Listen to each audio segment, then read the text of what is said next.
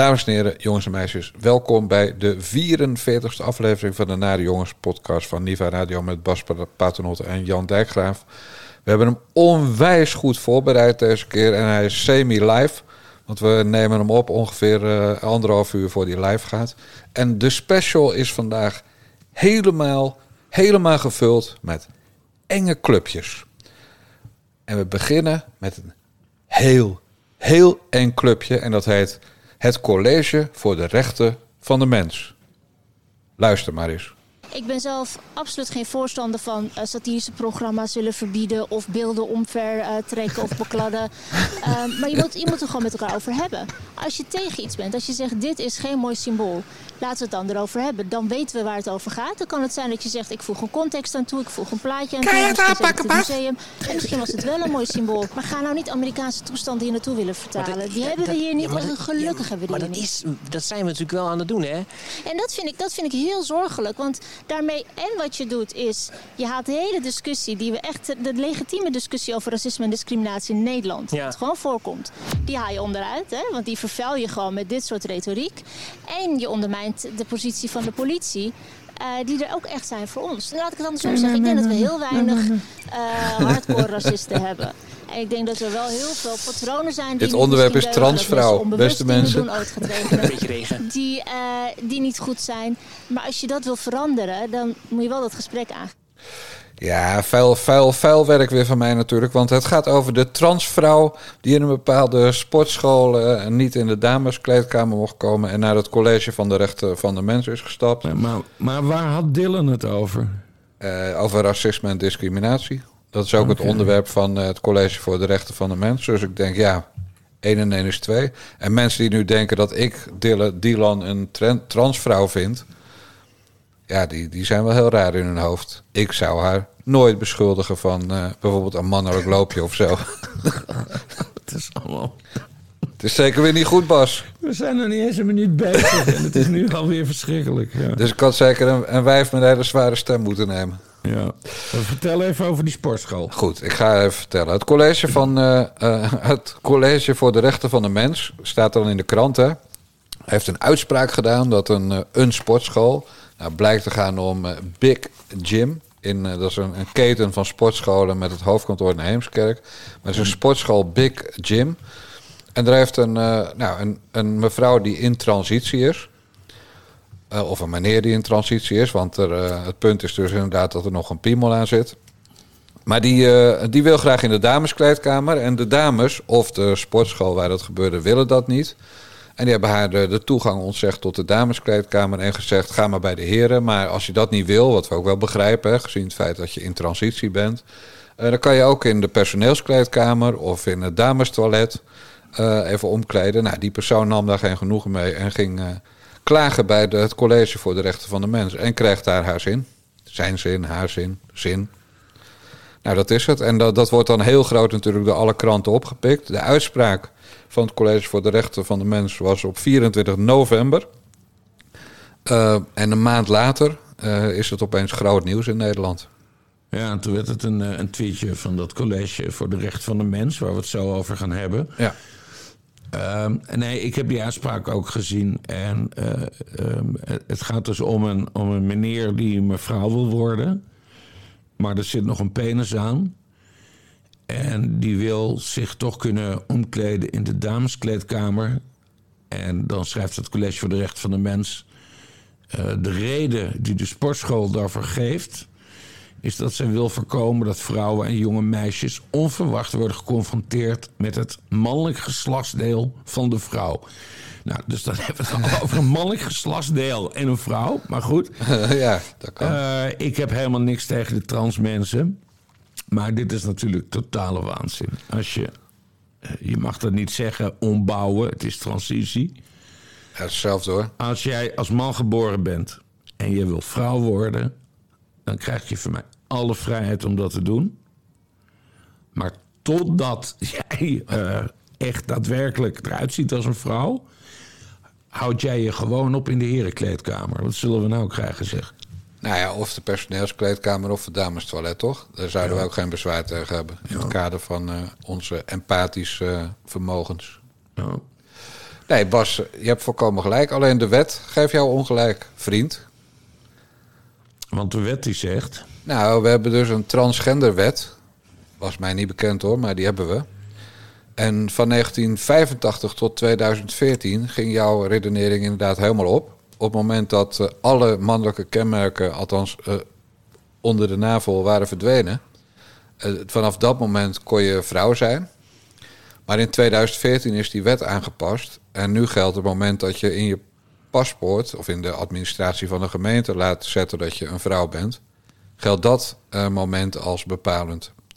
Dus voor de wet is deze eh, omgebouwde man inmiddels een vrouw. En daarom heeft eh, deze vrouw, volgens het College van de Rechten van de Mens, het recht op eh, verblijf in de dameskleedkamer. Waar, en, en al die vrouwen en meisjes die daar verder zich omkleden, ja, die, die moeten zich maar lekker eh, er niks van aantrekken van die zwaaiende leuter. Ik vind het zo erg voor die sportschool. Ja, Nee, maar echt. Ja, die we- worden nu exposed. Ja, dat is het mooie van of in, de, in alle krantenberichten wordt dan de naam niet genoemd. Maar in eh, de, ik ging natuurlijk de uitspraak zoeken, want je weet Ja, het, research is alles. ja, Ja, er staat gewoon Big Jim. Niet welke vestiging, dus het kan ook nog hier in, in Sneek of Heerenveen zijn, maar daar ga ik maar niet vanuit. Maar het, ja, het is, het is geloof ik de goedkoopste sportschool van Nederland. Want eh, het is een vanaf tarief van 7,50 euro per maand. En dan krijg je de- dit soort ellende over je heen. Ja, als ze dit geweten hadden, ze natuurlijk, hadden, hadden ze natuurlijk bij de aanmelding van die mevrouw slash meneer gezegd... sorry, we zitten vol. Ja. Toch? Maar jij hebt, jij hebt gekeken. eh, wat is dat college voor de rechten van de mens eigenlijk, eh, Jan? Ja, dat is ook leuk. Dat, ze schrijven het natuurlijk met hoofdletters, hè?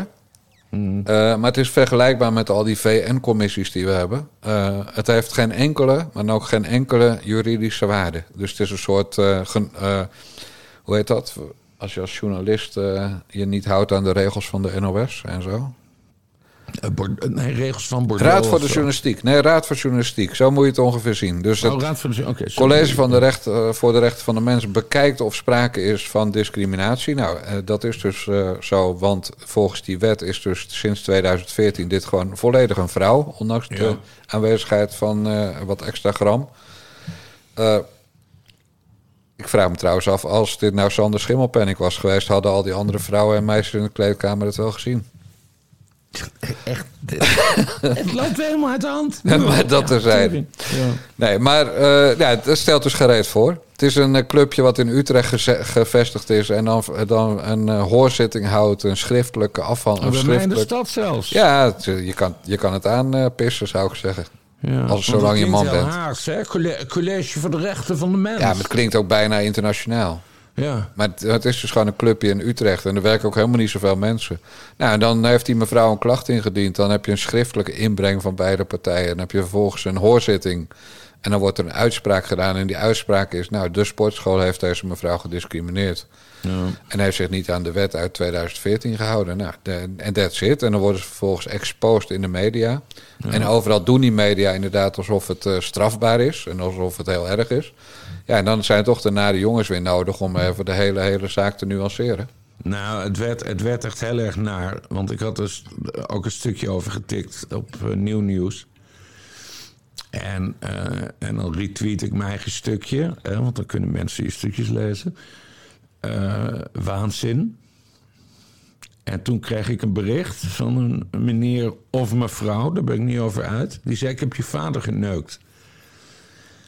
Ik vermoed dat dat dus een transpersoon is die dat zei. Waarom?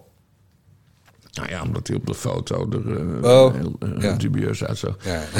En nee, maar er zit dus een, een soort toxische agressie in die. Ja, ik wil niet die hele transwereld over één kam scheren. In elk geval in de wookwereld. Nee, maar echt, mijn vader is overleden in, in, in fucking 1986. Wat zullen Ja. we nou krijgen? En dan krijg je zo'n reactie. Het, het, er zit een soort agressie in die, in die transwereld. Ik, ik, ik, ik krijg niet precies mijn vinger erachter. Maar het zijn eigenlijk gewoon kerels, boze kerels. Ja, boze blanke mannen. Ja. Eh, nee, ja, ik- als ze al zelf trans zijn, hè, die mensen die waanzin zijn. Want dit zijn natuurlijk ook vaak de, wat bij de KOZP'ers de helper whiteys zijn. Ja. Eh, van mensen die gewoon zo hetero als de neter zijn. Cis, eh, gender, ge- gender, heteronormatief moet je geloof ik zeggen. Dus zeg maar gewoon kerels die er niet aan moeten denken om in hun kont geneukt te worden. Eh, die, en die gaan dan ook heel fel worden, omdat het het goed doet bij in hun linkse meisjesbubbel. Waarin ze dan popiop willen uithangen. Wat me brengt, Bas, ik weet niet of jij de afgelopen twee uur het nieuws hebt gevolgd, op Rutger Groot-Wassink. Heb je het nieuws meegekregen vandaag? Ik heb, ik heb, nee, ik ben, ik ben dus de hele ochtend met bezig. familiezaken bezig. Oké, nou, dan zal ik je even bijpraten. Er was een tijdje geleden was er dat, eh, dat rapport over eh, eh, geweld tegen homo's in Amsterdam, wat zes maanden in een la had gelegen. En vlak voor de zo het zomerreces, want daar doen raadsleden ook aan, naar buiten kwam. Dat herinner je je nog? Ja. Nou, vandaag blijkt dus dat als journalisten in de tijd dat het dan uitkwam... belden naar het stadhuis om eh, een quoteje van Groot Wassink te halen... dat hij dan ambtenaren liet zeggen... eh, zeg maar dat ik op vakantie ben. Terwijl hij dus helemaal niet op vakantie was. Dus hij, de pers moest worden afgehouden. En dat, eh, ik geloof dat de Telegraaf het heeft gedaan met een WOP-verzoek. Het appverkeer tussen voorlichters en Groot Wassink. Dus A heeft die Klojo dat rapport waar, waarin dus stond dat het vooral uit eh, moslimhoek kwam. Hè? Jonge, jonge, jonge Marokkaanse jochies en zo. Ja. Eh, eerst heeft hij dat rapport in zijn la laten liggen tot een dag voor de vakantie. En dan hebben ambtenaren of, en raadsleden alleen nog maar oog voor vakantie. En daarnaast heeft hij dus geweigerd om de pers te woord te staan. En hij heeft ook nog iets geroepen over TPO.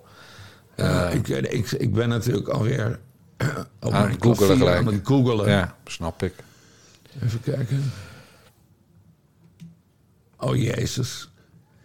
Als, als de website de Post Online een artikel publiceert... waarin Kamerlid Wieberen van Haga vragen stelt over het onderzoek... naar anti-homo-geweld... doet een ambtenaar aanvankelijk het voorstel... om niet te reageren op vragen van de site. Ja, Dat is precies wat Haga en Co willen. Abt een ambtenaar een groot wassink en vraagt of de GroenLinks er daarmee eens is. Zeker, antwoordt de bestuurder. Wat de fuck is dit voor waanzin, zeg? Die ambtenaren in Amsterdam die werken wel heel erg mee met de macht. Of ligt dat aan mij? nou in elk geval tegen jou. Ja. Dat is, dat is nog het ergst.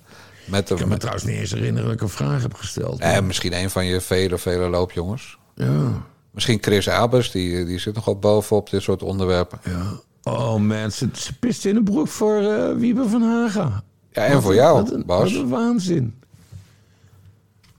Ge- Ja, Rutger ik sta je- Groot Ik een beetje van te kijken, Jan. Ja? Ja. Ja, maar het is natuurlijk gewoon een kwalijke zaak. ja dat je, je wordt, ge- wordt buitengesloten als medium op het moment dat je een serieuze vraag zou stellen. Ja. Gecanceld.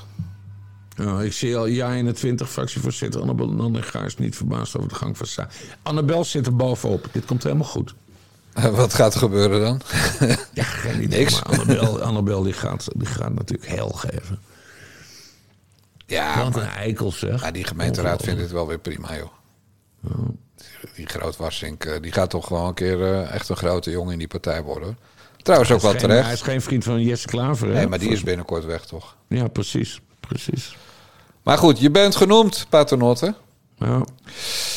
Kwalijke zaak, hè, als het gaat. Want het ging bij die Dylan, hè, dat fragmentje, dat ging ook over woke uit Amerika. Ja, dit is natuurlijk ook heel erg woke. Het niet benoemen van de echte dader. Eh, je, kent George Floyd nog. Dat was zeg maar de man die de Nobelprijs voor de vrede won. En eh, een, een eh, middel tegen de honger wereldwijd heeft uitgevonden. En werd doodgetrapt of gekild door een eh, politieagent. Ja, en drugsverslaafde, toch? Niet, niet, hij was zwart. niet verder. Straks ga je nog zeggen dat hij een inbreker was. Ja, Dat hij iemand een eh, pistool tegen het hoofd zette. we bevinden ons weer op glad Moet je allemaal niet doen, hè? George Floyd was een held. Als Nelson Mandela nog had geleefd, had hij eh, George Floyd uitgenodigd. Eh, Desmond Tutu is ook al dood. Ja. Ik geloof dat hij wel min of meer deugde, Ik dacht toch? trouwens, ik verkeerde in de veronderstelling... dat Desmond Tutu al jaren geleden was overleden. Ja, dat had ik dus bij Imca Marina.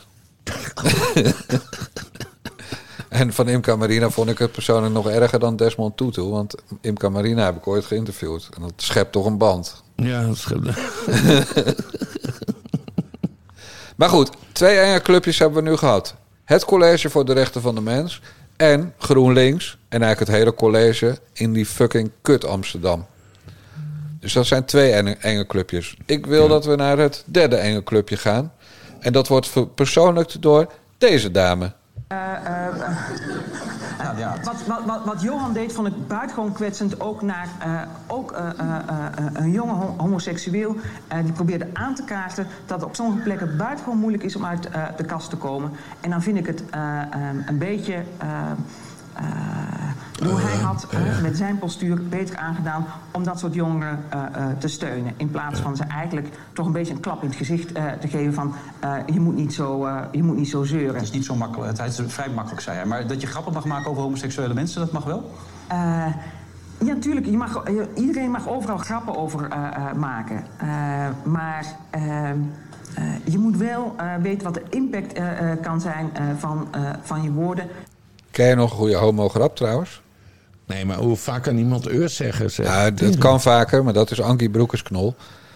Die kan het nog vaker. Maar dit is eh, eh, Ingrid van Engelshoven, de minister die er zelf voor heeft gekozen om, een, om jong talent een kans te geven op haar plek. En daarom heeft ze vorig jaar al aan Kaag laten weten dat ze niet opgaat voor een tweede ministerschap. En haar plekje afstaat. Geloof jij het? Het is een. ehm, het, het, ehm, het, het is een oud medestander van Alexander Pechtold. Zij waren een team samen. Ja. En eh, haar ministerschap is weinig indrukwekkend gebleven. Eh, behalve dan de geweldige rants die Martin Bosma tijdens commissievergaderingen eh over hield. Die moeten de mensen maar even opzoeken op YouTube. Martin Bosma, eh Ingrid van Engelshoven. Eh, ja, wat moeten we zeggen van die mevrouw? Nul indruk heeft ze gemaakt. Ze heeft wel, wel iets, achtergela- iets meer achtergelaten. Maar dat weet je dan blijkbaar weer niet. Nou, die woke-agenda. Nee, nog meer. Maar jij, jij bent veel te veel landelijk gericht. En je weet dat ik een boertje van buiten ben. Dus ik heb even in Den Haag mijn oor te luisteren gelegd. Waar zij wethouder was voor ze minister werd. En eh, een, een jaar of wat geleden kwam eh, Ingrid van Engelshoven daar op een schooltje. Een mevrouw met een hoofddoekje tegen. En die mevrouw die, die, kon, eh, die kwam aardig goed uit haar woorden. En toen heeft eh, Van Engelshoven gezegd... Joh, jij moet iets in de politiek gaan doen. En toen is die mevrouw in Den Haag op de lijst gekomen van D66. Want zo gaat dat, hè. Als je een, een welbespraakt eh, mevrouw met een hoofddoek op je lijst kan zetten... en dan denk je, hé, hey, wij gaan even roeren in het electoraat. We gaan kijken of wij wat moslims richting D66 kunnen Dat is trekken. die voel wat. Ga je het nou we weer uitleggen? En die mevrouw die kwam dus onlangs inderdaad in de Tweede Kamer voor D66 en die heet Fonda Sala. Of Fonda, ja. Fonda. De zus van de Hofstadgroep terroristen Soumaya Sala. Dus we hebben aan Van Zij- zij is Engelshoven... gescout door Van Engelshoven. Juist. En, en door Van Engelshoven persoonlijk, hè? Oh, dat wist Dus bij niet. een werkbezoek van Van Engelshoven aan een school... waar, waar die Fonda Sala een soort hulpmoeder was... of ik weet niet hoe dat tegenwoordig heet. Vroeger heette dat voorleesmoeder. Eh, daar is eh, gescout en meteen op de lijst gezet voor de gemeenteraad. Nou, en, en gekozen. En inmiddels eh, ook landelijk dus een naam... omdat ze die, dat zieke andere Kamerlid vervangt. Goed uitzoekwerk, Dijkgraaf. Dat dacht ik. Ja, de kwestie van de familie Sala... die, die laat ik niet los, Bas. Dus Ingrid van, eh, eh, eh. het ging dus ongeveer zo. Nou, eh, eh, eh, jij eh, eh, eh, bent wel eh, eh, eh, een eh, eh, eh, goede eh, eh, eh, spreker. Eh, eh, eh. Voel jij eh, eh, eh, er niks eh, eh, voor om eh, eh, eh, bij ons op, eh, eh, eh, eh, eh, de lijst eh, eh, eh, te gaan? Eh, eh, eh. En toen zei die Von der Sala, ja natuurlijk.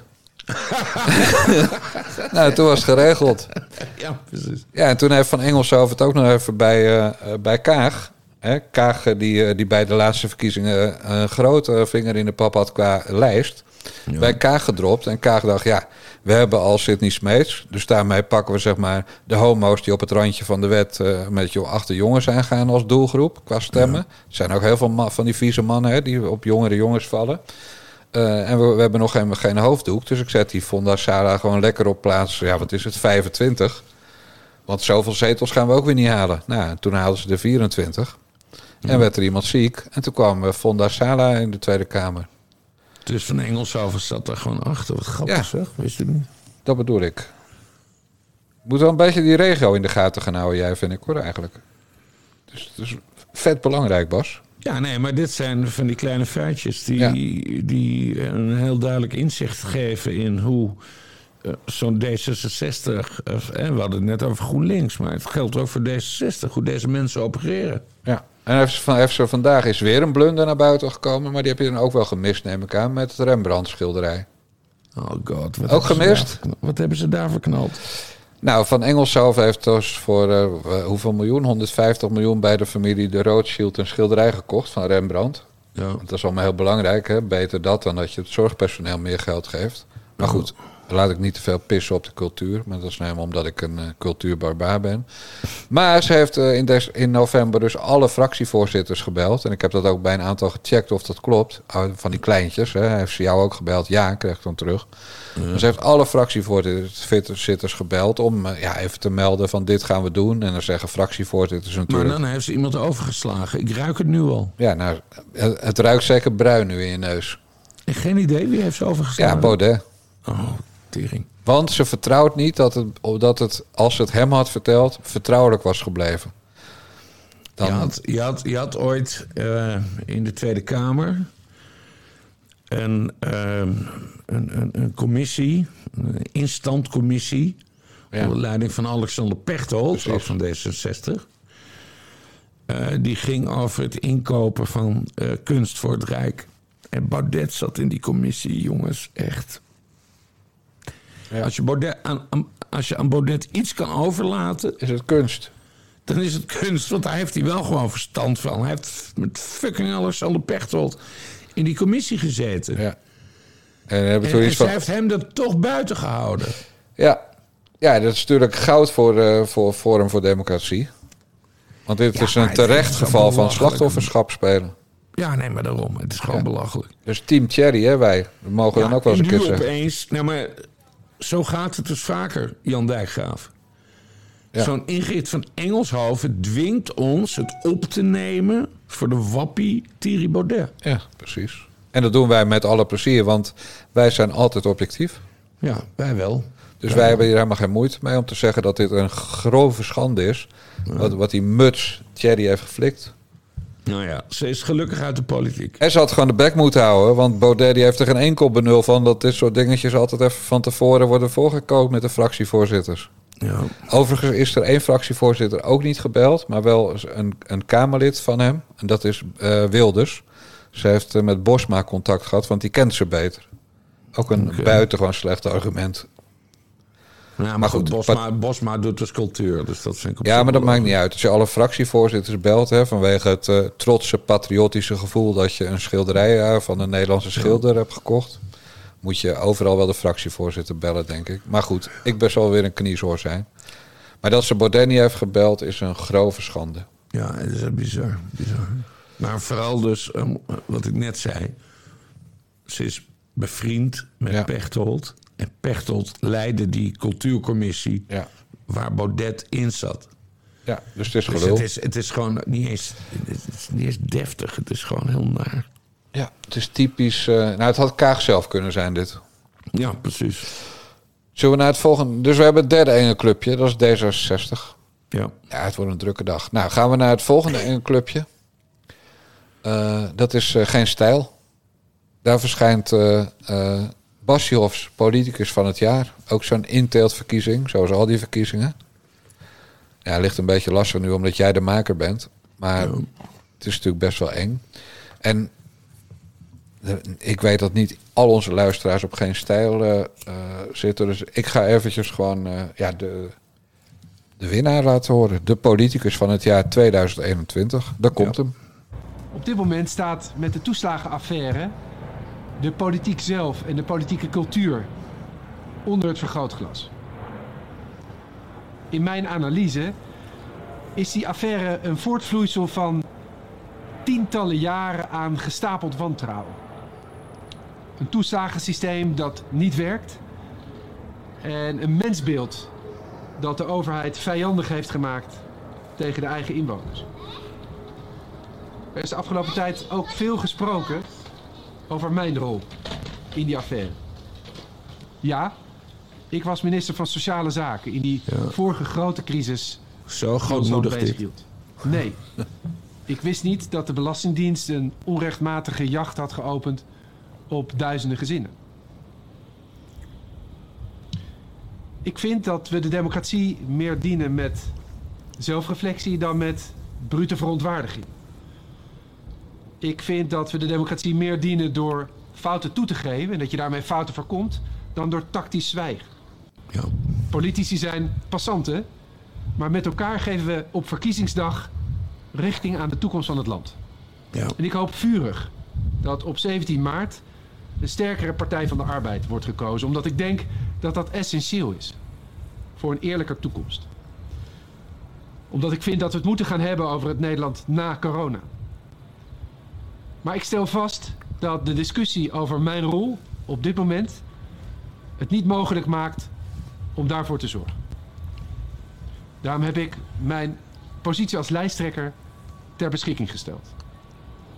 Ik zal mijn mandaat als gekozen volksvertegenwoordiger uitdienen, maar stel me niet opnieuw verkiesbaar.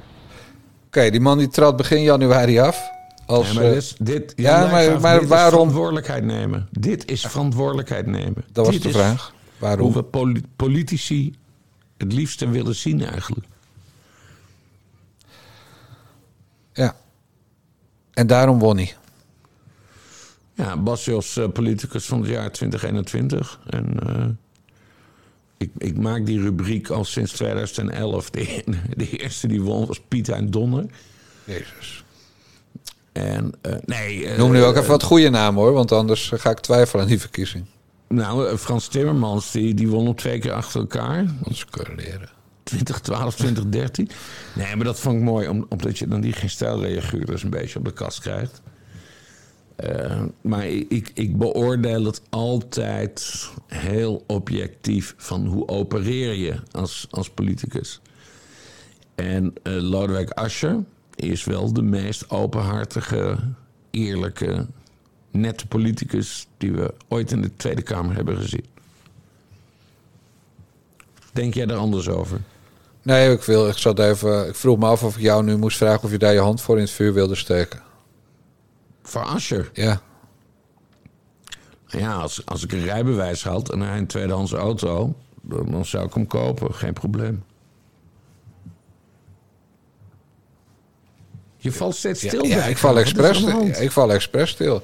Ja, hoe kan je nou iemand die, die van de twaalf maanden er elf en half afwezig is in de politiek, politicus van het jaar maken? In een jaar waarin verder toch best wel veel gebeurd is, laten we dat vaststellen.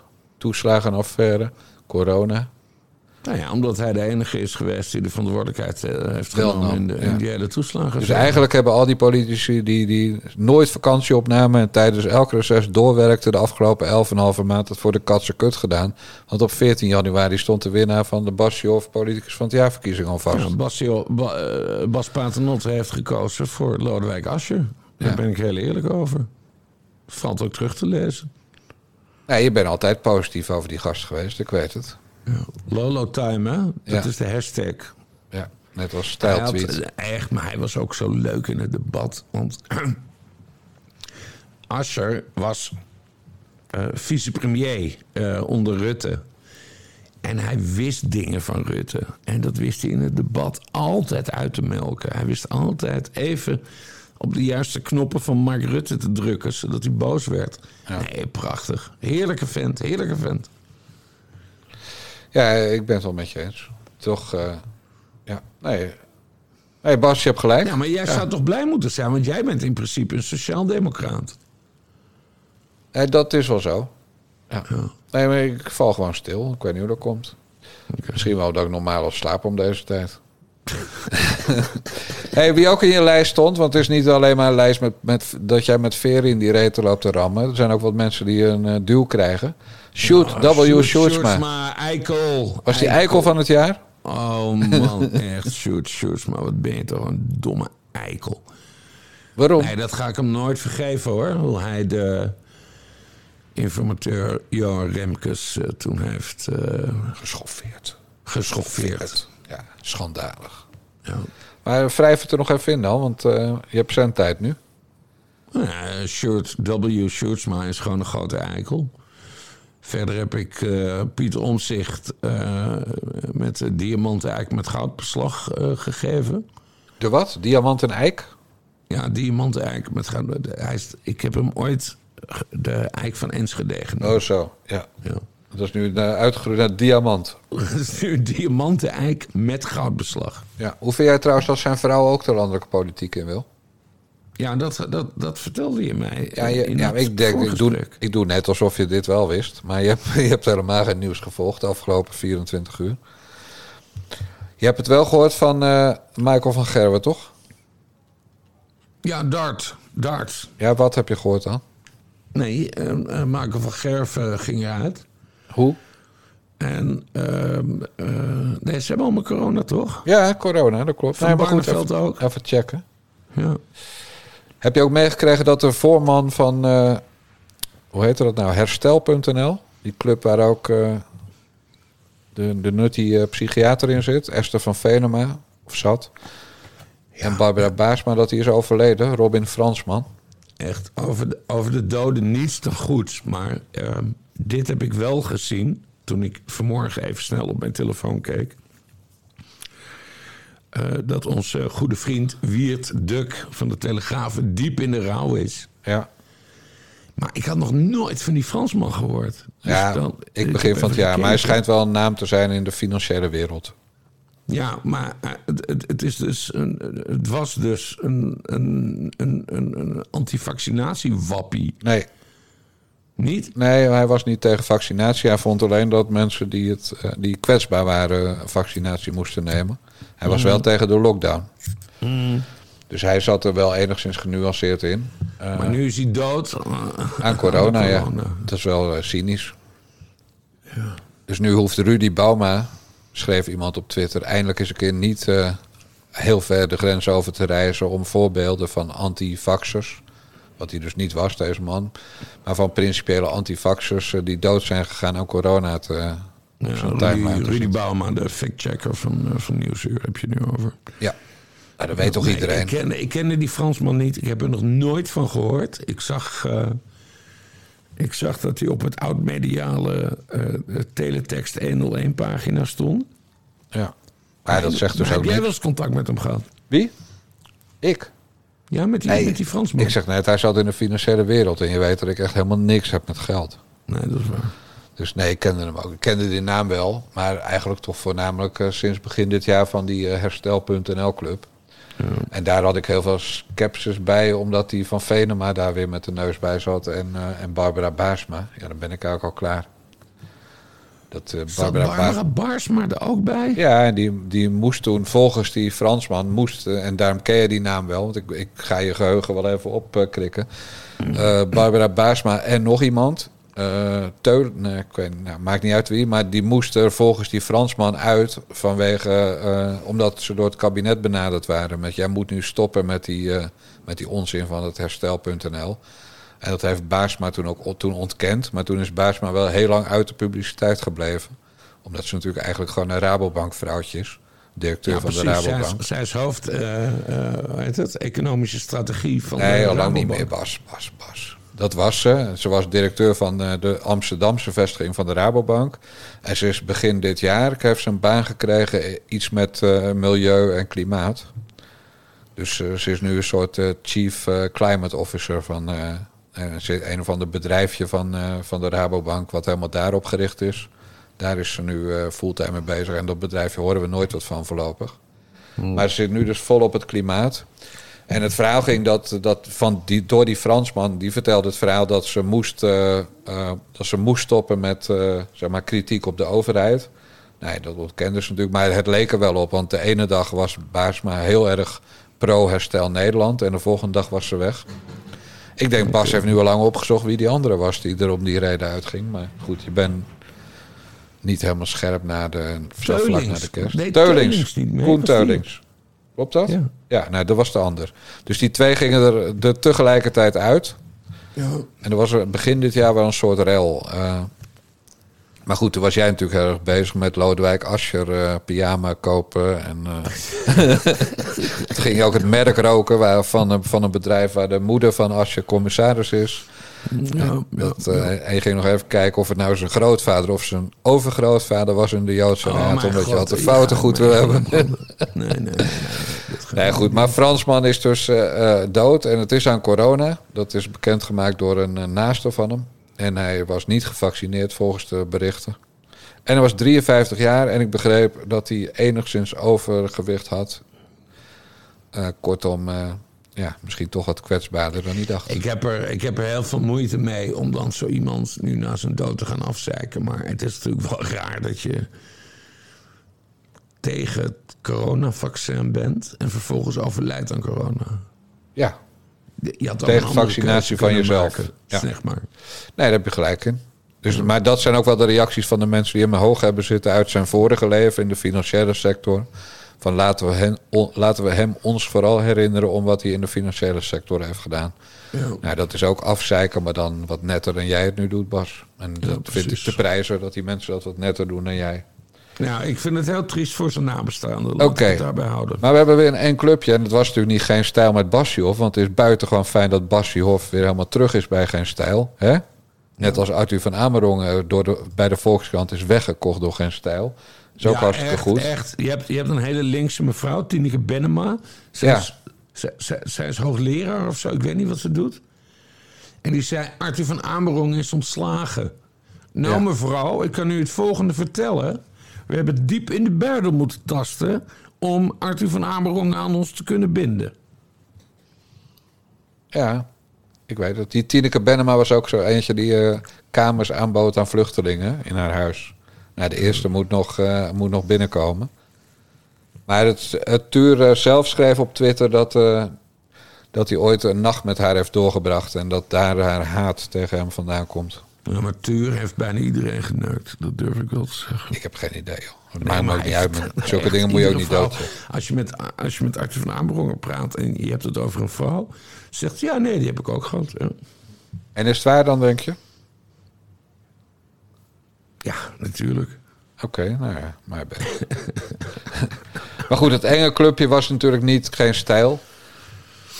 Maar het enge clubje was, ja, zeg maar weer dat, dat, dat ges- gespuis allemaal. Ik weet niet meer welke ik nou bedoel. Weet jij het nog? Ik heb echt geen idee welke Ik heb ook- nu opgaan. ik heb ook ik, ik heb hier staan audio Hugo de Jonge. zullen dit wetsvoorstel nodig hebben om zo open mogelijk en zo veilig mogelijk door de winter heen te komen.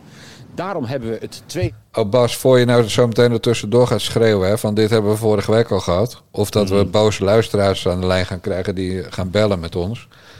Het is bewust dat je nog een keer hetzelfde hoort als vorige week. Oké. Gaan.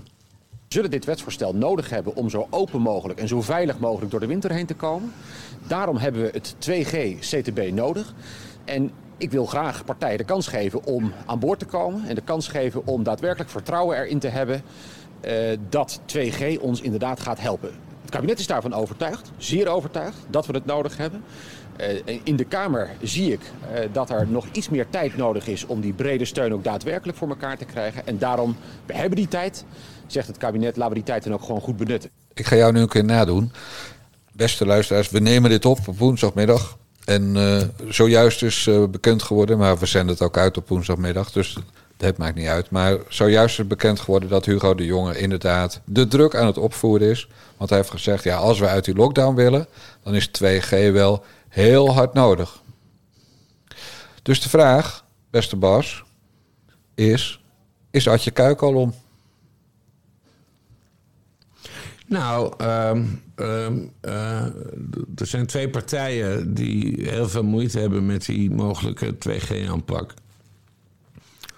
En dat zijn inderdaad eh, eh, de Partij van de Arbeid en de ChristenUnie natuurlijk. Ja. Maar ehm, eh, dit kwam gisteren tot mij eh, via de, de, de twitters van Pieter Omzicht. Want die let altijd op.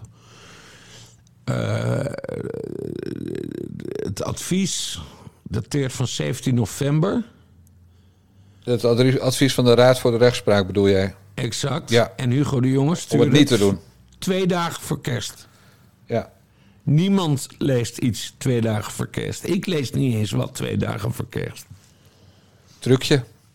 Ja, nee, heel, heel, heel erg naar trucje. Hij zei dat hij het vergeten was. Ja. Maar wat grappig is, want ik, ik, ik ja, ik- nu ga ik heel erg uh, uh, uh doen. Ik heb met kerst nagedacht over Hugo de Jonge. Wil je het weten of niet? Ja. Nou, ik heb natuurlijk ook best wel heel af en toe een klein stukje, minder vlijend stukje over Hugo de Jonge geschreven. Hè? Soms kwam er zelfs woord moordenaar in voor. In de tijd dat al die bejaarden lagen te stikken in hun eentje in die verpleeghuizen. omdat eh, ze door onbeschermde zorgmedewerkers werden geholpen. Ja. Maar met kerst dacht ik van. Ja, je had vroeger op school, hè? Als dan de eerste nacht eh vorst over, eh, over het land was gegaan. dan was altijd de vraag wie durft er over een slootje. Ja. En had je slimme jongens. En, en op dit gebied schaar ik mezelf daar ook bij. Die gingen niet als eerste een slootje over. Want de kans dat je dan door het ijs zakte, die was nogal groot. Maar er waren altijd twee typen jongens die dan wel als eerste een slootje over wilden. De eerste waren de stoere gasten, hè? zeg maar de, de mannetjesputters. Ja, daar, bij, da- daar dacht ik niet aan bij Hugo de Jonge. Maar je had ook de domme sukkels die graag eh, een goed, in een goed blaadje wilden komen bij de stoere jongens. En, en die gingen dan, eh, die liet zich dan opjutten en die gingen dan allemaal gekke dingen doen. Die gingen En dan die ook. dan. Precies, ja, die gingen dan kopje onder uiteindelijk. Nou, en Hugo de Jonge is eigenlijk die sukkel die, zich, die weet dat het gevaarlijk is om het ijs op te gaan, maar die het toch doet om aardig gevonden te worden, om eh, in zijn geval dan een baantje, te- een volgend baantje te krijgen, minister van Onderwijs. Dus het is hem allemaal niet kwalijk te nemen. Het is allemaal, maar ook echt allemaal, de schuld van Mark Rutte. En dat is bij die Raad van de Rechtspraak kwestie ook. eh, ja, iedereen zegt nu, Hugo de Jonge heeft het te laat naar de Kamer gestuurd. Maar jij en ik weten wel beter. En ik vind dat jij maar gewoon moet vertellen hoe het echt zit. Het was niet Hugo de Jonge. Nee, ik heb hier eh, toen dit nieuws eh, dinsdag naar buiten kwam, heb ik natuurlijk Pieter Omtzigt gebeld. Eh, nadat ik mijn stukje had getikt. En eh, Pieter hechtte eraan eh, te melden dat het Sander Dekker was die natuurlijk deze vraag heeft beantwoord. Juist. En dat vond ik wel netjes van Pieter. Want we hebben het allemaal, de Telegraaf, Nieuw Nieuws, iedereen heeft het aangevlogen op eh, Hugo de Jonge. Die uiteraard eindverantwoordelijk is. Hè, want hij is de man, eh, samen met Mark Rutte, wat jij terecht zegt. Maar Hugo de Jonge is samen met Mark Rutte de man die verantwoordelijk is voor het, eh, voor het coronabeleid. Eh, maar Sander Dekker heeft dit dus naar de Kamer gestuurd. Ehm en dan hebben we het weer over fractievoorzitters. Eh, die zijn ook niet allemaal ingelicht. Uh, uh, Gert-Jan Segers, fractievoorzitter van de ChristenUnie... is dus de, de grote, de kritische noot in deze discussie. Hè? Gaan, we, gaan we dat eh 2G, 3G-beleid doorzetten... En het is dus bewust bij, eh, eh, bij hem weggehouden. Door Sander Dekker, die een soort mislukte kloon van Mark Rutte is. In overleg met natuurlijk ook Hugo de Jonge. Dat kan niet anders. Jawel, maar Hugo de Jonge is, eh, is het ventje waar tegen Rutte dan zegt... ah joh, daar komen we wel weer mee weg. Het ijs Ja. is dik genoeg. Ja. Jij gaat niet verzuipen, Hugo. Nee, maar dit is, dit is dus... eh, Zo moeten de mensen naar kijken. Dit is een klassiek stukje eh, coalitiepolitiek. Over de rug van Segers, met Over de misbruik rug van... van Gert-Jan Segers, Ja. exact. En Segers, de sukkel... daar ging weer een miljoen. Ja. Over Segers gesproken. Zit Carola Schouten in het we- WEF, het World Economic Forum, of zit ze er niet in? Volgens Segers zit ze er niet in. Dat eh, riep je heel stellig toen, eh, toen Pepijn van Houwelingen dat eh, eh, op Twitter riep. Van jouw, Segers, jouw Schouten zit in het WEF. Eh, nou, vervolgens eh, stuurt hij van Houwelingen die stuurt wat screenshots waaruit blijkt dat ze in elk geval bij het WEF bekend is en dat ze haar foto hebben en haar cv en dat ze, in een, eh, dat ze ook wat dingen heeft gedaan. En dan zwijgt Segers. Bedoelt hij daarmee dat hij toegeeft dat hij ernaast zat? Ik- vind die WEF-discussie zo volstrekt oninteressant. Ehm Nou, dan stoppen we ermee, joh. Nee, maar nee, ik wil het er wel even over hebben. Die van Houwelingen, die doet alsof het een enorm complot is. En hij heeft laatst allemaal stukken opgevraagd. En die werden hem gestuurd door het kabinet. Ja, Dus dat is zeg maar eh, antwoord op Kamervragen. En nu noemen ze het de WEF-leaks. Ja, dat is zwaar er iets gelekt is. Er is helemaal niks Nee, gelekt. Klopt. Je hebt, eh, eh, de Van Houwelingen die heeft het kabinet eh, om opheldering gevraagd over dat WEF en hoe dat precies zit.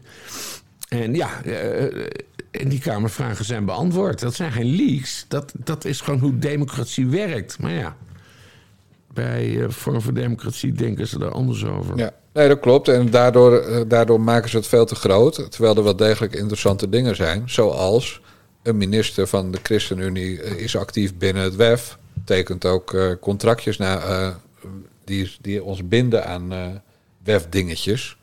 Maar het is allemaal dingetjes en het is werkgroepjes Nee, en het is dat, vergaderingen. dat was die opmerking dat er juridische afspraken zijn. Nee, dat was een andere. Dat was... Maar, nee, maar daar, moeten nog, daar moet hij dus op doorvragen. Want we weten helemaal niet welke afspraken dat zijn. Nou, het ging vandaag over iets met voeding.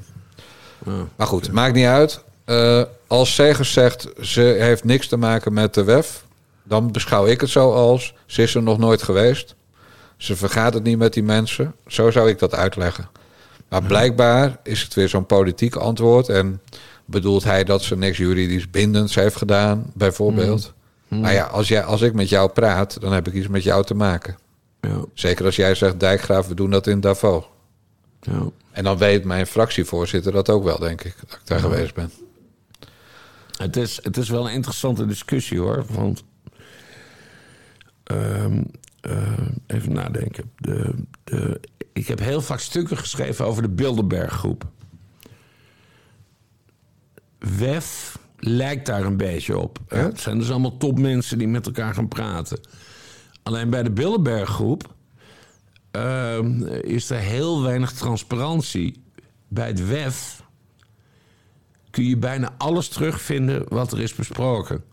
Ja. En, en er komen ook journalisten en zo. En, en, en daardoor schiet vorm. Ik, ik, ik denk wel dat vorm voor democratie ehm, een, een, een- een, een punt heeft. Maar ze overdrijven het gewoon weer zo extreem. Ik bedoel, Donald Trump was spreker bij het World eh, Economic Forum in Davos. Wat zullen we nou krijgen? Donald Trump, de held van Thierry Baudet. Ja, nee, je hebt een goed punt. Het is, eh, het is eh, de hand overspelen, waardoor het eh, dood gaat slaan. Dat klopt. Ja, exact. exact. Eén clubje dat eh WEF, één clubje dat, dat kabinet, één clubje dat CDA, één clubje dat Forum voor Democratie. Oh, Forum voor Democratie. Even luisteren.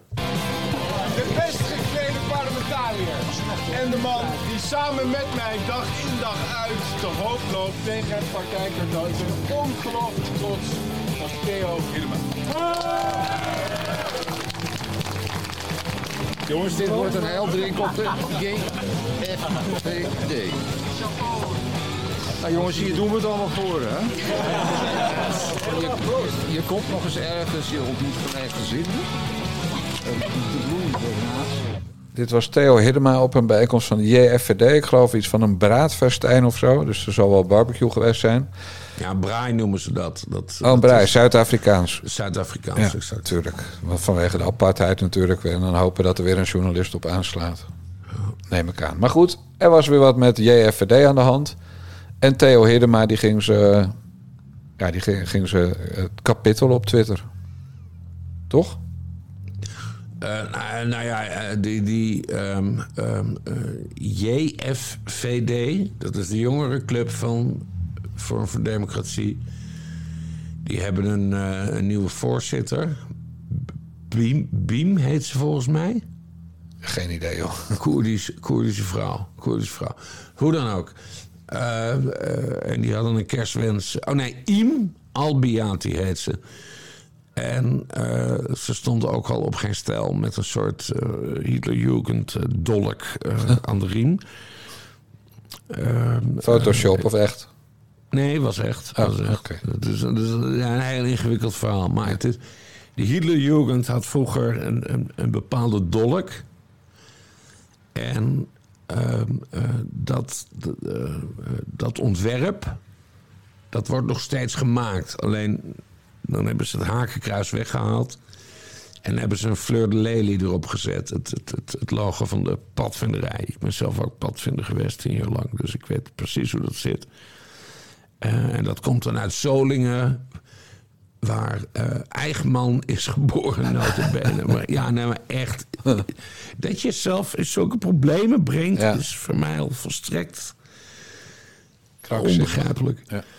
Hoe dan ook. De kerstfans eh, van de jonge garde eh, was eh fijn Joelfeest allemaal en, en fijne kerstmis. Ja. Nou ja, Joelfeest is een, is een omstreden term, want de nazi's noemden kerst het Joelfeest. En Theo Hedema heeft zich daartegen uitgesproken. Ja. En daar bleef het ook weer bij. Ja, want hij neemt, nou ja, hij heeft, hij heeft wel een, hij is één keer, of twee keer. Formeel is hij twee keer opgestapt, voor, opgestapt bij Forum voor Democratie, volgens mij. Maar ja, dan, dan spreekt hij zich uit op Twitter. En daarna geeft hij een interview aan het Algemeen Dagblad. Eh, als je jodelets blijft relativeren, dan krijg je last met mij. Ja. Je hoort het hem zeggen. en vervolgens blijft hij gewoon zitten als, Ja. als senator. Wat krijgen hem- ermee, Jan Dijkgraaf? Ja, ze, dus ze krijgen helemaal geen last met hem. Ze denken gewoon, nou fijn, Theo heeft ons weer een extra mediamomentje bezorgd. Maar hij haalde inderdaad Westerbork erbij, in zijn tweet. Dus het was gewoon vol op het orgel. En elk normaal denkend mens zou zeggen... ik wil met deze club niks meer te maken hebben. En hij bleef gewoon. Maar wat denk jij, zit er strategie achter van Hedema? Nou, dan wilde ik even aan jou vragen. doet Jij bent, natuurlijk, jij bent natuurlijk onze expert op het gebied van de nazi's. Eh, heel dronk, hoorde ik, in, eh, hoorde ik hem bij de braai eh, zeggen. Ja, Ik weet niet, hoe deden ze dat in de Tweede Wereldoorlog, die moffen? mooi. Maar heel dronk klinkt wel heel erg narcistisch. Ja, hè? Dus hij doet het zelf ook, Bas. Ja. Hij kan die, die jonge knapen met die, die strakke scheidingen rechts. En die, en die domme meisjes die, eh, die kikken op, op mannen die ze willen afranselen. Hij kan ze wel een beetje afzeiken met dat joelfeest. Maar zelfs loopt hij heel dronken met ze te doen. Onder Nee, gelijkgezinden. We, laat ons dan nu, als nare jongens, een oordeel vellen over Theo Hedema. Verbaal zeer begaafd. Boven, boven, bovengemiddeld begaafd. Hmm. Eh, buitengewoon goede spreker. Maar ja, gewoon ook een nazi. Ja. Hedema is ook een nazi. Ja, dat kan je natuurlijk niet zeggen. Gezien Nee, maar dan hebben we wel een kop. Als we nu bij een krant zouden zitten, zou ik mijn bek verder houden. Helemaal is een nazi. Nee, maar ik vind die heel dronk, hè, met al die knapen daar op zo'n braai. Heel dronk vind ik. Dat, ik bedoel, jij drinkt ook veel, maar jij zou nooit eh, vrienden een heel dronk onder gelijkgezinden. En eh, zou jij nooit zeggen, heel dronk. Je zou gewoon zeggen proost of. eh, ja, hoe, wat, hoe doen jullie dat in die kroeg? Nou ja, proost, zeg ik dan. Ja, maar heel dronk, ja, dat vind ik. eh, ja, vind ik eng. Die associaties zijn een bewijs van een empathisch defect van je welste, zei Hedema eh, over, over eh, Baudet. Ja, nou, dat geldt dus ook voor die heildronk. Ja. Dus Hedema deugt niet. Is dat, is dat onze conclusie, Jan Dijkgraaf? Laten we dat nu maar een keer Nee, Hedema zeggen. deugt voor geen meter. En hij is een beetje... eh, hij is eh, zeg maar het geluid wat al die, die kikkers die uit de wagen springen... elke keer bij Forum voor Democratie... hij is dan degene voor wie misschien nog een aantal binnen blijft... Hè, in, de, in de kruiwagen blijft zitten. Ja. Omdat ze denken, ja, eh, Thierry is wel gek... en die JFD is allemaal nazi's. Of niet allemaal, maar heel veel. Maar we hebben altijd Theo nog. En dat is toch ons redelijke geluid. Nou, dat is een grote misvatting gezien het woord heildronk. Maar goed, wisten die lui veel, want die... Nee, ik begin, ik, nee maar ik, ik begrijp je. Ik begin daar nu ook naar te neigen. Ehm Hedema, ik heb hem vaak ontmoet. Hè. Ik heb vaak met hem gedronken. Ehm, misschien, ja, misschien moeten we die conclusie trekken. Hij deugt eigenlijk niet. En in het kader van want, de... want als hij het echt zo erg zou vinden, was hij opgestapt. dan was hij opgestapt. Of had hij gezegd, dat tuig eruit of ik eruit. Ja. Dat, dat heeft hij ook wel eerder gedaan. Ja. En dan had de geschiedenis zich, geschiedenis zich herhaald. En dat is wat die JFD'ers telkens lijken te willen. Dat de geschiedenis zich herhaalt. Ja. Zodat zeg maar jouw nageslacht, wat je niet hebt, maar bij wijze van spreken... maar je, je neefjes en de kinderen van je neefjes over 40 jaar weer naar die kampen gaan... in Forumland waar al die enge dingen zijn gebeurd. ja. Bijvoorbeeld met, eh, met negers of zo. Hedema deugt niet. We hebben een conclusie, Jan Dijkgraaf. Sterker nog, in het kader van deze aflevering zou ik willen concluderen: Theo Hiddema is een eng clubje. Nou, nu we toch met hele enge mensen bezig zijn en hele enge clubjes, heb ik er nog eentje. En die was een heel oud fragment, heb ik gevonden, van, van deze eh, mens. En moet je even kijken of jij kan raden wie het is. Ja. ik denk dat het in het begin wordt gezegd. Dus. Ze was als stafmedewerker van Barack Obama de eerste buitenlander ooit die op het landelijke hoofdkantoor in Washington tijdens de presidentiële campagne werkte. en dat is de Rotterdamse Kirsten Verdel, die Obama naar de overwinning heeft geleid. Uiteraard niet in je eentje. Goedemorgen. Ja, vertel, je komt net terug uit Amerika. Hoe heb je zelf die laatste uren daar beleefd? Ja, de, tot de overwinning. Ja, die laatste uren waren heel erg leuk. Um, ik zat in een, uh, het Mayflower Hotel, een historisch hotel in Washington D.C. met uh, 1500 democraten. En uh, nou, we zaten allemaal te wachten op het moment dat de 270 kiesmannen werden bereikt. Dat is uh, wat je nodig hebt om te winnen.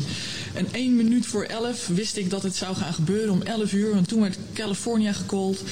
En uh, de eerste die ik zag naast mij was Wim Kok, die daar toevallig aanwezig was. En het eerste wat ik in mijn handen kreeg was een, een Nederlands biertje. Dus ik voelde me helemaal thuis. En daarna liep de zaal heel snel leeg. En ik vroeg me af, van wat, uh, waar gaat iedereen nu heen? Nou, naar het Witte Huis. Dus zijn we met uh, duizenden mensen naar het Witte Huis gelopen. Waar iedereen dan dingen riep als van... Hey Bush, get out of our White House.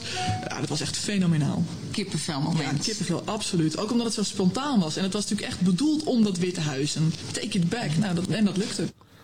Ja, dit is dus de mevrouw die Barack Obama groot heeft gemaakt. Kirsten, vertel. Ja, ik ga eerst even... Ik, eerst ik, even... Nee, maar ik vraag me ook echt af of, of Barack Obama wel beseft... Nee. Dat hij president is geworden door haar. Door Kirsten Verdel. Nee, dat beseft hij zeker niet. Ik ga jou eerst een vraag voorleggen, Bas, als jij dat goed vindt. Ja. Er is een tweet geweest van Joe Biden... waarin hij Trump op één lijn zette met onder andere Chavez, Pinochet, Castro en Stalin, Hitler en Idi Amin. Hmm. Herken jij, ken jij die tweet of niet? Nee, dat zegt me helemaal niks. Ja, die was trouwens niet van Biden, maar het was toen Biden gewonnen had. Toen werd die tweet, toen werd die tweet door iemand op, uh, op internet gezet. En toen retweette Kirsten Verdel hem. En toen zetten ze alleen maar boven, wauw, W-A-U-W. Dus niet W-O-W, maar W-A-U-W. Wauw. Hoe moeten we dat interpreteren? Bedoelt ze daarmee, deze tweet gaat veel te ver om Trump op één lijn te zetten met dat soort tuig? Of bedoelt ze daarmee, goh, wat een goede tweet? Wat denk jij? Ja, ze zal wel eens goede tweet hebben uh, willen aanmerken, denk ja, ik. en dat denk ik ook. En dat betekent, en ze is er ook op aangesproken toen op Twitter, van, joh, weet je wel wat je zegt? Gek. Je kan veel van Trump zeggen, maar Trump is geen massamoordenaar. Uh, en toen zweeg ze, arrogant. En heeft ze nooit heeft ze dat teruggenomen. Ze heeft ook nooit uitgelegd. Ik bedoelde, wauw, wat een schandalige tweet. Ja. Want je mag dat niet doen met Trump. Nee, ze heeft gewoon de bek gehouden. Zoals ze altijd de bek houdt als ze wordt aangevallen. Dus ja, dan ben je heel eng. Ze werkt overigens, dat weet ook lang niet iedereen. Voor het, uh, ze is partner zelfs voor, van het PR-bureau. Van Drimmelen. Van Frans van Drimmelen. Dat is Ja. de man die. uh, uh, ik zeg het even nu netjes, want je weet nooit of er weer juristen mee luisteren. Die mede verantwoordelijk was voor de selectie van Kamerleden van D66 lange tijd. En naar wie een onderzoekje is gehouden, omdat hij werd verdacht. Onderzoekje, heel mooi daar. Ja, omdat hij werd, werd beschuldigd van uh, ja, zeg maar het bevoordelen van vrouwelijke kandidaten die hij mooi vond. En die misschien wel trek hadden in een lolly. En bij gebrek aan echte lollies, nou ja, vul het allemaal zelf maar in. En het, en het opsluiten van een vrouw in, exact. in, in, in, de, in, in de slaapkamer die schijnbaar in het partijbureau staat. Ja, ik weet niet of het in, in elk geval opsluiten in een kamer en niet eruit nee, laten. een slaapkamer. Oké, okay, nou ja, prima. Ja. Dus opsluiten in de slaapkamer, omdat die vrouw niet wilde doen wat hij graag wilde dat, hij, dat ze zou doen. En dat is later een deal ges gesloten, waardoor die mevrouw nu een spreekverbod heeft. Dat was geloof ik de nou ja, partijbureau-directeur of zo. In elk geval... Ja, office, office manager. Office, oh, tikgeit, ja. Nou goed, ze werkte voor D66. Ja. oh, dit is een, nee, office manager Jan Dijk. Ja, dat is hetzelfde. Op zo'n zo klein bureautje. Ja, nou ja, hoofdtikgeiten okay, dan. door. Uh, maar in elk geval, hij werd uh, beschuldigd van, uh, van zeg maar, ja, wat je nu zou, zou noemen MeToo-gedrag. En er kwam een van een flutonderzoekje en toevallig net voor de verkiezingen zei Sigrid Kaag, nou, we hebben het heel goed onderzocht. En vrouwen die zich, die zich niet gemeld hebben omdat ze niet durfden, tellen niet mee. Het was een bevriend bureau wat onderzoekt. Nou, je, je weet hoe dat gaat, zulke onderzoeken. Ja, ja, ja, dus die Frans van Drimmelen, die heeft Kirsten Verdel benoemd tot partner van zijn bureau. En Kirsten Verdel, en uh, daarom is ze nu actueel, die stond vorige week weer in het Algemeen Dagblad en al die regionale bijwijven. Met dit is de vrouw die ervoor zorgde dat bij de GGD uh, de telefoon af en toe roodgroeiend staat. Wat is namelijk het geval? Ze twittert af en toe over vaccinaties, net als uh, jouw neef Jan Paternotte dat doet. Ja. Uh, en, uh, en een van die tweets van haar, ze heeft 22.000 volgers. Ik bedoel, als jij en ik ze zouden hebben, zouden we ons doodschamen. Zo weinig zijn dat er voor uh, ja. media mensen. maar ze heeft 22.000 volgers. En dan, dan zegt ze tegen zo'n vrouwtje van het Algemeen Dagblad... die dan haar komt interviewen en die zelf een... ik zoek het even op hoor. Een ik moet het even opzoeken, want het was weer zo'n slijmerig... Dijkgraaf. Een boeiend gesprek. Die een boeiend gesprek met Kirsten Verdel heeft gehad. Zo'n vrouwtje spelt ze dan op haar mouw... dat anderhalf miljoen mensen haar tweet zien... en dat de telefoon bij de GGD roodgroeiend stond. nou, dat zegt gelul van een dronken aardbei. En dat is al het derde promo-verhaal van die verslaggeefster. En als je over mijn voorbereiding loopt te zeiken... die verslaggeefster, die heet Annemiek Bandriet... Uh, en dan zegt hem, en in haar bio staat moeder van twee zoons. Nou, dan weet je het wel. Hè? Als professionals in de journalistiek het, het aantal en soort kinderen in hun, in hun bio zetten. Dus gewoon zo, zo'n huisvrouwtje die ook een baan heeft bij de persgroep. En die gaat dan elke keer als Kirsten Verdel een promo-verhaaltje nodig heeft... dan gaat die mevrouw Annemiek Bandriet, die gaat daar langs... en dan hebben ze een boeiend gesprek en dan tikt ze een stukje van. Ja. En ik ben dat wijf zo godschuwelijk zat, die Kirsten Verdel bedoel ik dan. Ik ben er zo klaar mee met dat wijf. Want het is gewoon een. Ze doet ook net alsof ze dat privé doet, die tweets. Maar eh, dat bureau van die van Drimmelen is natuurlijk gewoon ingehuurd om die vaccinatieagenda er doorheen te persen. Ze Want heeft er ook een prijs voor gewonnen, hè? Dat heeft ze... Interne prijs, hè? Interne prijs. ja, maar echt. Het bureau van Van Drimmelen zegt... Nou, Kirsten, jij bent onze beste twitteraar. Je bent een glazen pauw. Dat is mijn glazen pauw of zo. Echt. Glazen pauw? Oh, ja, nee, ja, een pauw. Glazen pauw. Oh, zo'n vogel? Ja, vogel. Ja, ik dacht een foto van Jeroen. Of een standbeeld van Jeroen. Nee, glazen, glazen pauw heeft ze gewonnen. Een interne prijs. En dat wordt dan trots rond getweet. En ik zit alleen maar te huilen. Het is echt allemaal zo erg. Ja, wat, wat je van haar ook op internet kan vinden, want het is een echte professional. Foto's van toen ze acht maanden zwanger was van haar eerste kind. Weet je wel, dat werk van die, oh, die hele dikke buiken en zo. Ja, ja. gaat tussenant schaamteloos wijf is het. Echt. Echt vreselijk. Nou, en, en nog even terugkomen naar het fragment. Ze heeft toen echt jarenlang Amerika-deskundige gespeeld, omdat ze stafmedewerker was van Barack Obama. Maar de waarheid is natuurlijk gewoon dat ze die man nooit heeft gezien. Ja, gezien. Net als wij hem hebben gezien. En misschien ook wel eens live heeft gezien. Maar ik denk als jij nu Barack Obama uit zijn nest eh, belt, Bas. Hè, want jij hebt natuurlijk wel zijn nummer. Dat hij niet zegt, oh yes, Kirsten Verdel. Ja, yeah, no, yes, sure. Hoe de fuck is Locuta? ja, precies. nou, Locuta kent hij dan misschien wel omdat hij, uh, in de, dat hij van dat soort films houdt. Dat schijnt er van de stripfiguur te zijn, of filmfiguur. Weet, ik, weet ik allemaal niet, want ik kijk alleen naar non-fictie. Maar, maar Barack Obama, daar heeft ze, en dan vertelt ze ook trots van, uh, nou, ik heb het niet in mijn eentje gedaan. Nee, we zaten met 1500 man in de zaal. Ja, zat ze dan, en dan zat ze naast Wim Kok. Nou, nou, poepoe. Ik woonde in hetzelfde dorp als waar Wim Kok geboren is en jarenlang heeft gewoond. Dat zegt ook helemaal niks. En we gingen, we gingen heel spontaan met z'n allen naar het Witte Huis. 5000 mensen. Je ziet er helemaal lopen voor die stoet van uh, Kirsten Verdel. En, er, en dan is ze ook nog een keer niet uitgekozen om voorop te lopen... omdat zo'n lekker wijf is. Voor het plaatje, zeg maar. Ze heeft zo'n makkelijk uh, kapsel. Uh, een kort, pittig kapsel, ja. ja Heel de leven al. Ja.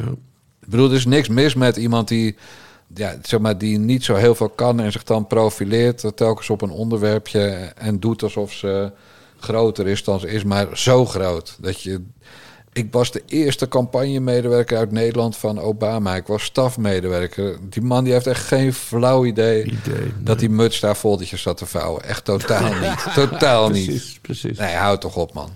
En dan, dan nu weer in dat Algemeen Dagblad met de GGD. De telefoon stond roodgloeiend bij de GGD na mijn tweet. Want Ja. anderhalf miljoen mensen lezen mijn tweet. Fuck off. En weet je wat ergst is, Bas Paternotte, en dan stop ik erover.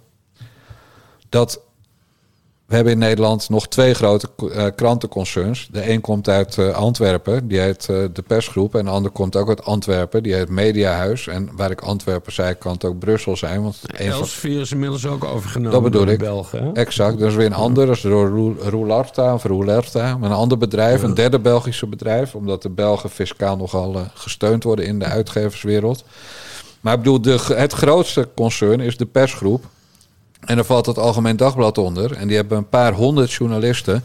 En een van die journalisten is dus Annemiek Bandriet. En als Annemiek Bandriet uit Alphen aan de Rijn... een telefoontje krijgt van Locuta uit uh, Kirsten Verdel... uit Roelof Arendsveen... dan stapt Annemiek Bandriet op haar e-bike... En dan gaat ze een boeiend gesprek met eh, Kirsten Verdel houden. En alles wat Kirsten Verdel er vertelt, dat, dat gaat erin als godswoord in een ouderling. Ja, en staat de volgende dag in het Algemeen Dagblad. En in de Stentor en in al die honderd andere bijwijven van het Algemeen Dagblad. En onze journalistiek, Bas, is kapot. Dat was mijn Nou ja, punt. behalve als je nieuw nieuws en geen stijl leest. Maar... Ja, en nu vergeet je TPO. Is de stekker eruit of zo? Nee, nee, nee. Oh, TPO, nee, ik schrok al, want daar sta ik op. Echt, Jezus Christus. Ja, daar sta ik op. Dus dat vind ik weer belangrijk. kan mij dat nieuw nieuws en geen stijl naar boeien. Ik bedoel, elke bejaarde Ja, wordt er aangenomen. serieus, want, Ja. want we, gaan, we gaan afronden. Maar dat zo'n Verdel dus zo'n podium krijgt... dat zegt wel wat over de vaderlandse journalistiek, toch? Ja, want ze zeggen er niet bij wat haar functie is. Nee. Het is gewoon een poppetje van het PR-bureau van D66. Ja. Van Frans van Drimmelen. Dat is niet zomaar een D66er. Vraag dat maar aan al die blonde vrouwen die gescout zijn de afgelopen jaren. Ja, en, en opgesloten slaapkamers. Dat bedoel ik. Ja. Nee, maar eh, dat is wel de kwestie. Dat, dat, eh, dat je dan als krant de indruk wekt... dat het een hele onafhankelijke mevrouw is. Maar dat Ja. is het helemaal niet. Die gewoon, op de, omdat ze toch thuis zit met de kinderen... gezellig een beetje zitten twitteren. En dan de GGD helemaal. Kijk, als ik nou een klootzak was geweest... Hè, die, zeg maar, dat ik ook dit weer had willen bewijzen... had ik natuurlijk de GGD opgebeld... en had ik gezegd... jongens, op die en die dag stond bij jullie toen de telefoon roodgloeiend... door een tweet van Kirsten Verdel. Maar ja, als ik dat telefoontje had gepleegd... hadden ze gezegd, we hadden nu ook een bejaarde aan een spuit kunnen helpen. Een spuitafspraak voor een booster. Dus een beetje lastig dat jij nu belt. Dus ik ging ze niet bellen. Maar dat had ik het liefst wel gedaan. En had de GGD eh, zeg maar een statistiekje uitgedraaid van het aantal telefoongesprekken. Nou, dan was er echt geen enkele relatie geweest tussen een tweet van Kirsten Verdel van het PR-bureau van Van Drimmelen van D66 en, eh, en de drukte bij de telefoonlijnen bij het callcenter van de GGD. Dus dan had ik er gewoon keihard kunnen downplayen. Maar dat is niet mijn taak. Dat had Annemiek Bandriet van de persgroep moeten doen. Voor ze dat kutstukje in het Algemeen Dagblad en al die bijwijven plaatsten.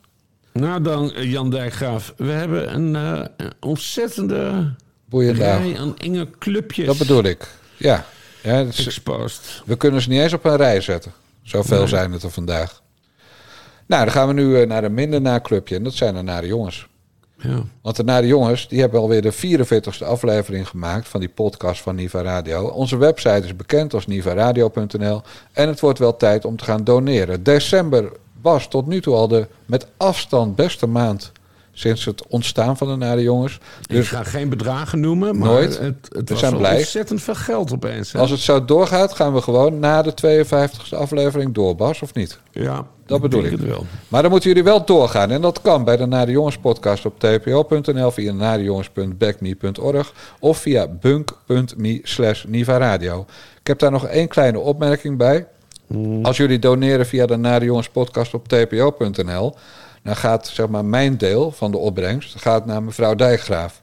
Als jullie via narejongens.backme.org of bunk.me slash nivaradio doneren, dan heeft mevrouw Dijkgraaf geen flauw idee hoeveel geld het is.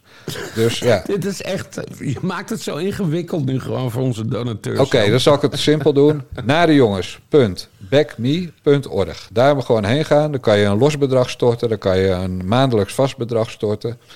Eh, ja, dan zijn we naar Basje en ik blij en dan gaan we door. Toch? Ja. Mooie, afsluiting van eh, 2021. Ik zou zeggen, mensen, eh, kijk uit met vuurwerk en de mazzel.